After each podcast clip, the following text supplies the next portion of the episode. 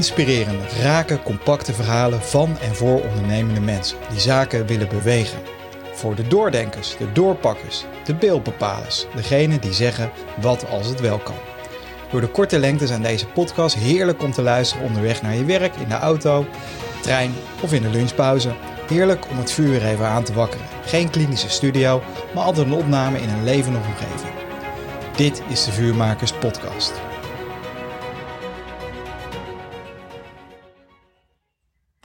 Een van de meest fascinerende onderwerpen vind ik productadoptie. En dan denk je, productadoptie, waarom gebruik je dat woord? Nou, heel simpel, omdat productadoptie eigenlijk een mooie woord is voor iets verkopen. En een beter woord is voor marketing. Uh, uh, hoe zorgen wij er nou voor dat we meer producten, uh, dat producten beter geadopteerd worden? En dan ga je niet meer kijken naar transacties, maar dan ga je naar een andere manier ernaar kijken. En weet je wat het is? Ik ben al heel lang marketeer. Uh, inmiddels is volgens mij 19 jaar ben ik al marketeer en ik heb ontzettend veel bedrijven gezien. En soms zijn er van die dingen die voorbij komen en denk shit, had ik dat maar eerder geweten. En shit, ik hoop dat veel meer mensen dit ook gaan snappen. Want dit gaat enorm veel brengen. En wat ik in deze podcast ga zeggen, gaat je enorm veel helpen om je business te laten groeien. Het laat je op een manier naar dingen kijken die je waarschijnlijk nog nooit zo zag. Waardoor je nieuwe antwoorden kunt vinden, betere antwoorden kunt, kunt vinden. En het fascinerende van productadoptie is, dan wel een interessante voordat ik uh, wat, wat meer duik in het inzicht, is dat de afgelopen 25 jaar de kans op falen van nieuwe producten hetzelfde gebleven is. Wat betekent dat 40 tot 90 procent van alle productintroducties nog steeds faalt. Fascinerend toch? Want we hebben steeds meer tooling, we hebben steeds meer data, we worden steeds wijzer met z'n allen, maar toch is de kans op succes niet groter geworden voor productadoptie. Nou, waar zit hem dat in? Nou, allereerst begint dat fundamenteel met, op een met een andere lens naar dingen kijken. En dat klinkt misschien simpel, met een andere lens naar dingen kijken. Maar dat is wel echt een fundamenteel ding. Want als je met een uh, uh, naar, naar iets kijkt, dan zie je hele andere dingen dan dat je constant kijkt met een groothoeklens. Dan zie je weer hele andere dingen die je niet met een macro-lens kunt zien en omgekeerd. En vaak kijken we in business constant met dezelfde lens naar iets. En willen we echt nieuwe inzichten, echt vooruitgang, echte verbetering, moeten we met een nieuwe lens naar dingen gaan kijken. En zo gaat het ook over marketing, sales en dus productadoptie. Hoe kunnen we de productadoptie vergroten? Dat begint met uh, uh, dat we um, uh, het niet moeten zien als transactie of als, als, een, als een deal of wat dan ook. Nee, productadoptie is een gedragsverandering. En door er naar te kijken als een gedragsverandering, kun je ook gaan snappen waarom een product wel of niet geadopteerd wordt. Waarom een product wat misschien waanzinnig is, wat misschien heel erg goed is, wat misschien ontzettend veel brengt, toch niet verkocht wordt. Want dat, dat is soms zo. Dan denk je als ondernemer of als verkoper, als marketeer, ik heb toch gewoon een geweldig product. Dat voegt toch heel veel toe aan de levens van mensen. Waarom kopen ze het dan toch niet? Nou, die antwoorden vind je als je met de lens van gedragsveranderingen naar kijkt. En waarom is dat gedragsverandering? Omdat het oude gedrag is dat ik uh, uh, het product nog niet uh, heb gekocht. En door een gedragsverandering koop ik een product en ga ik nieuw gedrag, ga ik dat product gebruiken. Dus hey, ik, ik heb nieuwe boekhoudsoftware, dan moet ik de keuze maken, ik moet mijn gedrag veranderen om dat te gaan kopen. En dan moet ik vervolgens ook ervoor zorgen dat ik mijn gedrag verandert om, blijf veranderen om dat product goed te gaan gebruiken. Nou, hoe kun je simpel snappen wat mensen tegenhoudt om iets te kopen? Want daar gaat het over bij gedragsverandering. Als je mensen in beweging wil brengen, moet je weten wat ze tegenhoudt. Ik zeg hem nog één keer. Als je mensen in beweging wil brengen, moet je weten wat ze tegenhoudt. En ik vraag je om een vierkant te tekenen in gedachten. En in dat vierkant zet je een verticale streep en een horizontale streep. En als het goed is, heb je nu vier vierkantjes. En de bovenste twee vierkantjes zijn twee krachten die vooruitgang stimuleren, die gedragsverandering stimuleren, die mensen van oud gedrag naar nieuw gedrag stimuleren. En die onderste twee vierkantjes, dat zijn ehm, twee krachten die gedragsverandering tegenhouden.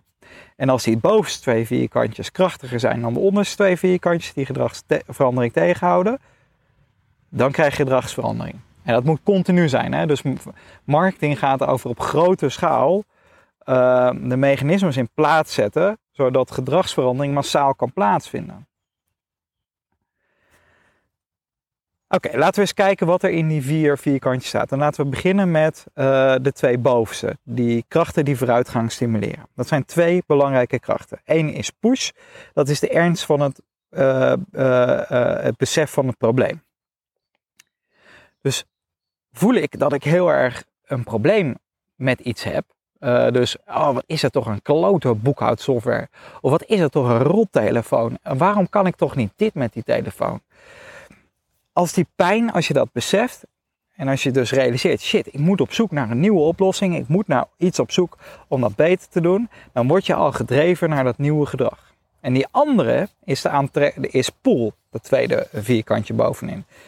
En pool gaat over de aantrekkingskracht van een nieuwe oplossing. En dat trek je als het ware naar dat nieuwe gedrag ook weer toe.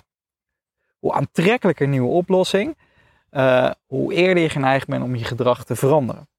Dus stel je uh, uh, voor dat je zoiets hebt van shit, wauw, wat een gave nieuwe revolutionaire boekhoudsoftware. Dat kan alles wat ik nu niet kan. Nou, dat is gek. Soms heb je producten of diensten waarvan mensen nog niet beseffen dat ze het nodig hebben. Dat ze het probleem nog niet voelen. Dat ze geen latente pijn hebben. Dan moet je dat gaan beïnvloeden. Maar dan maak je de push groter. En dan wordt, die, wordt, wordt de krachten die vooruitgang stimuleren worden groter. Dus je kunt al die krachten, die ik nu, die vier krachten, daar heb je allerlei tactieken om dat te beïnvloeden.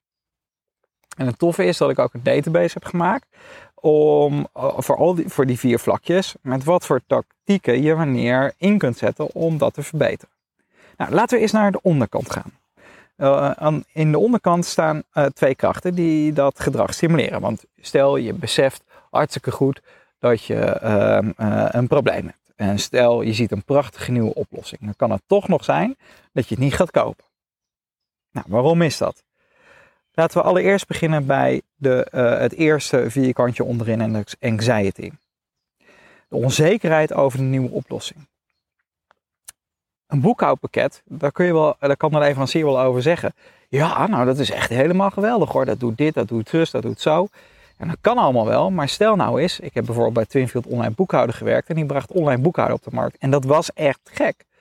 Alleen het probleem erbij was dat het een onbekende partij was uh, en dat niet zomaar grote partijen uh, uh, zaken met hun gingen doen. Dat is anxiety, onzekerheid over een nieuwe oplossing. Ehm, is het wel zo goed? Is het wel waar wat ze zeggen? gaat het wel doen wat ze beloven?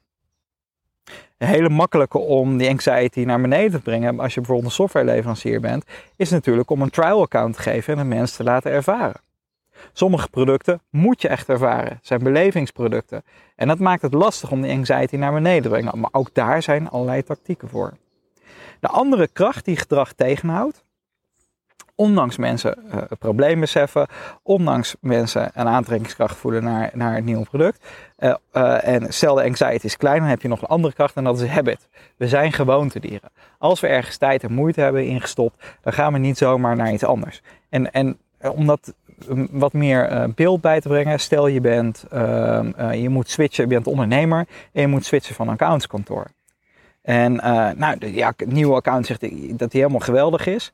Ja, je ervaart ook al problemen bij die oude accountant. maar ja, zal die wel echt zo goed zijn? Anxiety. En aan de andere kant, shit, ik heb aan mijn, die, aan mijn huidige account wel heel veel over me verteld. En die kent me wel heel goed. En dat moet ik allemaal weer opnieuw gaan vertellen aan een nieuwe accountant. Dat zijn switching costs. Dus habits worden gevormd door switching costs. Ik heb heel veel tijd gestopt in allerlei dingen leren. In een product gebruik maken, een stukje software. Dus ik ga niet zomaar naar die andere. Dus ik blijf in die gewoonte van die oude. Het mooie is dat bijvoorbeeld telefoons, um, uh, kopen we die nou omdat die zoveel beter zijn tegenwoordig? Bijvoorbeeld de iPhone, bijvoorbeeld de Samsung uh, Galaxies. Uh, nee, ze zijn niet zoveel beter meer. je kunt prima af met die oude. Maar we hebben de gewoonte dat we elk jaar een nieuwe kopen. En afscheid nemen van een gewoonte, dat is pijn. En pijn is iets wat we graag willen voorkomen. Dus habit en anxiety houden, ondanks je geweldig product hebt en mensen beseffen dat ze een probleem hebben, zorgen als, als anxiety en habit groter zijn dan de push en de pull, zorgen ze ervoor dat mensen toch niet gaan kopen. Dus uiteindelijk gaat het erover om die krachten uh, te gaan stimuleren. Dus als je mensen in beweging wil brengen, moet je weten wat ze tegenhoudt. De habit, anxiety. Maar je moet ook weten wat ze stimuleert, wat ze in beweging brengt. Dus de push en de pull. En laat ik vooropstellen, het meest belangrijke blijft die pool. Als je geen goed product hebt, als je geen goede oplossing hebt, dan, uh, dan, gaat, het, dan gaat het nooit goed komen. Dus, dus een goed product wat echt een probleem oplost voor mensen wat nog niet wordt opgelost, wat belangrijk voor ze is, dat is waar het begint. Dat is uiteindelijk de kern van waar gedragsverandering begint. Heb je dat niet, gaat kan, kan het probleem wel heel groot zijn, maar als de oplossing niet aantrekkelijk is, dan schiet het niet op. En het gaat er dus over dat je uh, als marketeer of als sales of als ondernemer, als je die gedragsverandering massaal wil bewerkstelligen, moet je deze krachten gaan snappen. Dus wat is de pull die nu vooruitgang stimuleert? Wat is de push die nu de vooruitgang stimuleert? Wat zijn de habits die de vooruitgang tegenhouden? Wat maakt de anxiety uh, die de vooruitgang tegenhoudt? En dan kun je volgens vragen, hoe kunnen we de push vergroten? Hoe kunnen we de pull vergroten? Hoe kunnen we de habits verminderen? Hoe kunnen we de anxiety minimaliseren en wegnemen? En laat ik wat voorbeelden geven. Nou, voorbeelden om de pool te vergroten. Productinnovatie. Ervoor zorgen dat onvervulde behoeften vervuld kunnen worden met een verbeterd of nieuw product. De aantrekkelijkheid van een nieuwe oplossing vergroten door de waarde hiervan beter te communiceren. Wat ik heel vaak zie als marketeer, en ik ben daar gewoon wat uh, scherper op dan anderen, is dat uh, mensen uh, bijvoorbeeld producteigenschappen communiceren, maar niet wat die producteigenschappen dan realiseren. het voordeel, wat voor voordeel verschaffen ze dan? Wat wil de klant gedaan krijgen en hoe zorgen die functionaliteiten ervoor dat de klant dat gedaan krijgt? Dat beter gaan communiceren is natuurlijk gewoon heel erg belangrijk de nieuwe oplossing vergelijken met andere oplossingen en hiermee de unieke eigenschappen uitvergroten. Ook een tactiek om de pool te vergroten. Zo zijn er ook een aantal dingen om de push te vergroten. Uh, de problemen bijvoorbeeld laten ervaren in een simulatie of een game of een fictief scenario. De klanten helpen om meer inzicht te krijgen in de kansen die gemist worden door de huidige product te blijven gebruiken. Laten zien hoe de effectiviteit van het product zal afnemen door bijvoorbeeld verminderen compatibiliteit uh, door veranderingen in de wereld, de branche of de technologie. Uh, mensen bewust laten worden van het probleem door het gebruik van cijfers en of statistieken. En de gevolgen van het probleem laten zien bij vergelijkbare organisaties. Hoe kan je nou de habit verkleinen en verminderen? Nou ja, de switching kost verlagen. Laten zien dat de switching kosten het waard zijn uh, door, uh, te nemen door bijvoorbeeld een business case. Vergelijk de switching cost met zekere opbrengsten en laat zien dat daar, uh, wat daardoor de echte switching costs zijn. Bied een gratis conversie aan, een hele simpele. Maak het mogelijk om data te converteren naar een nieuwe oplossing, om de datatrap op te heffen. Allemaal dingen die je kunt doen om de habit te verkleinen. Wat kun je dan doen om de anxiety te verkleinen? Nou ja, allereerst kun je natuurlijk autoritair bewijs leveren. Laten zien welke bekende bedrijven de stap durfden te maken. Je kunt garanties bieden, de reputatie van de leverancier vergroten, een aantrekkelijke introductie of een kennismakingsprijs creëren, angsten van een overstap benoemen en laten zien hoe die worden geadresseerd. Allemaal dingen die je kunt doen om de anxiety te verkleinen. En het toffe hiervan vind ik dat je dit model dus ook heel erg goed kunt gebruiken in je persoonlijke leven. Stel, je wil wel een nieuwe baan. De push is groot. Je voelt dat je een probleem hebt. Maar je weet niet welke baan. Dus er is niet echt aantrekkingskracht van een nieuwe oplossing. De pool.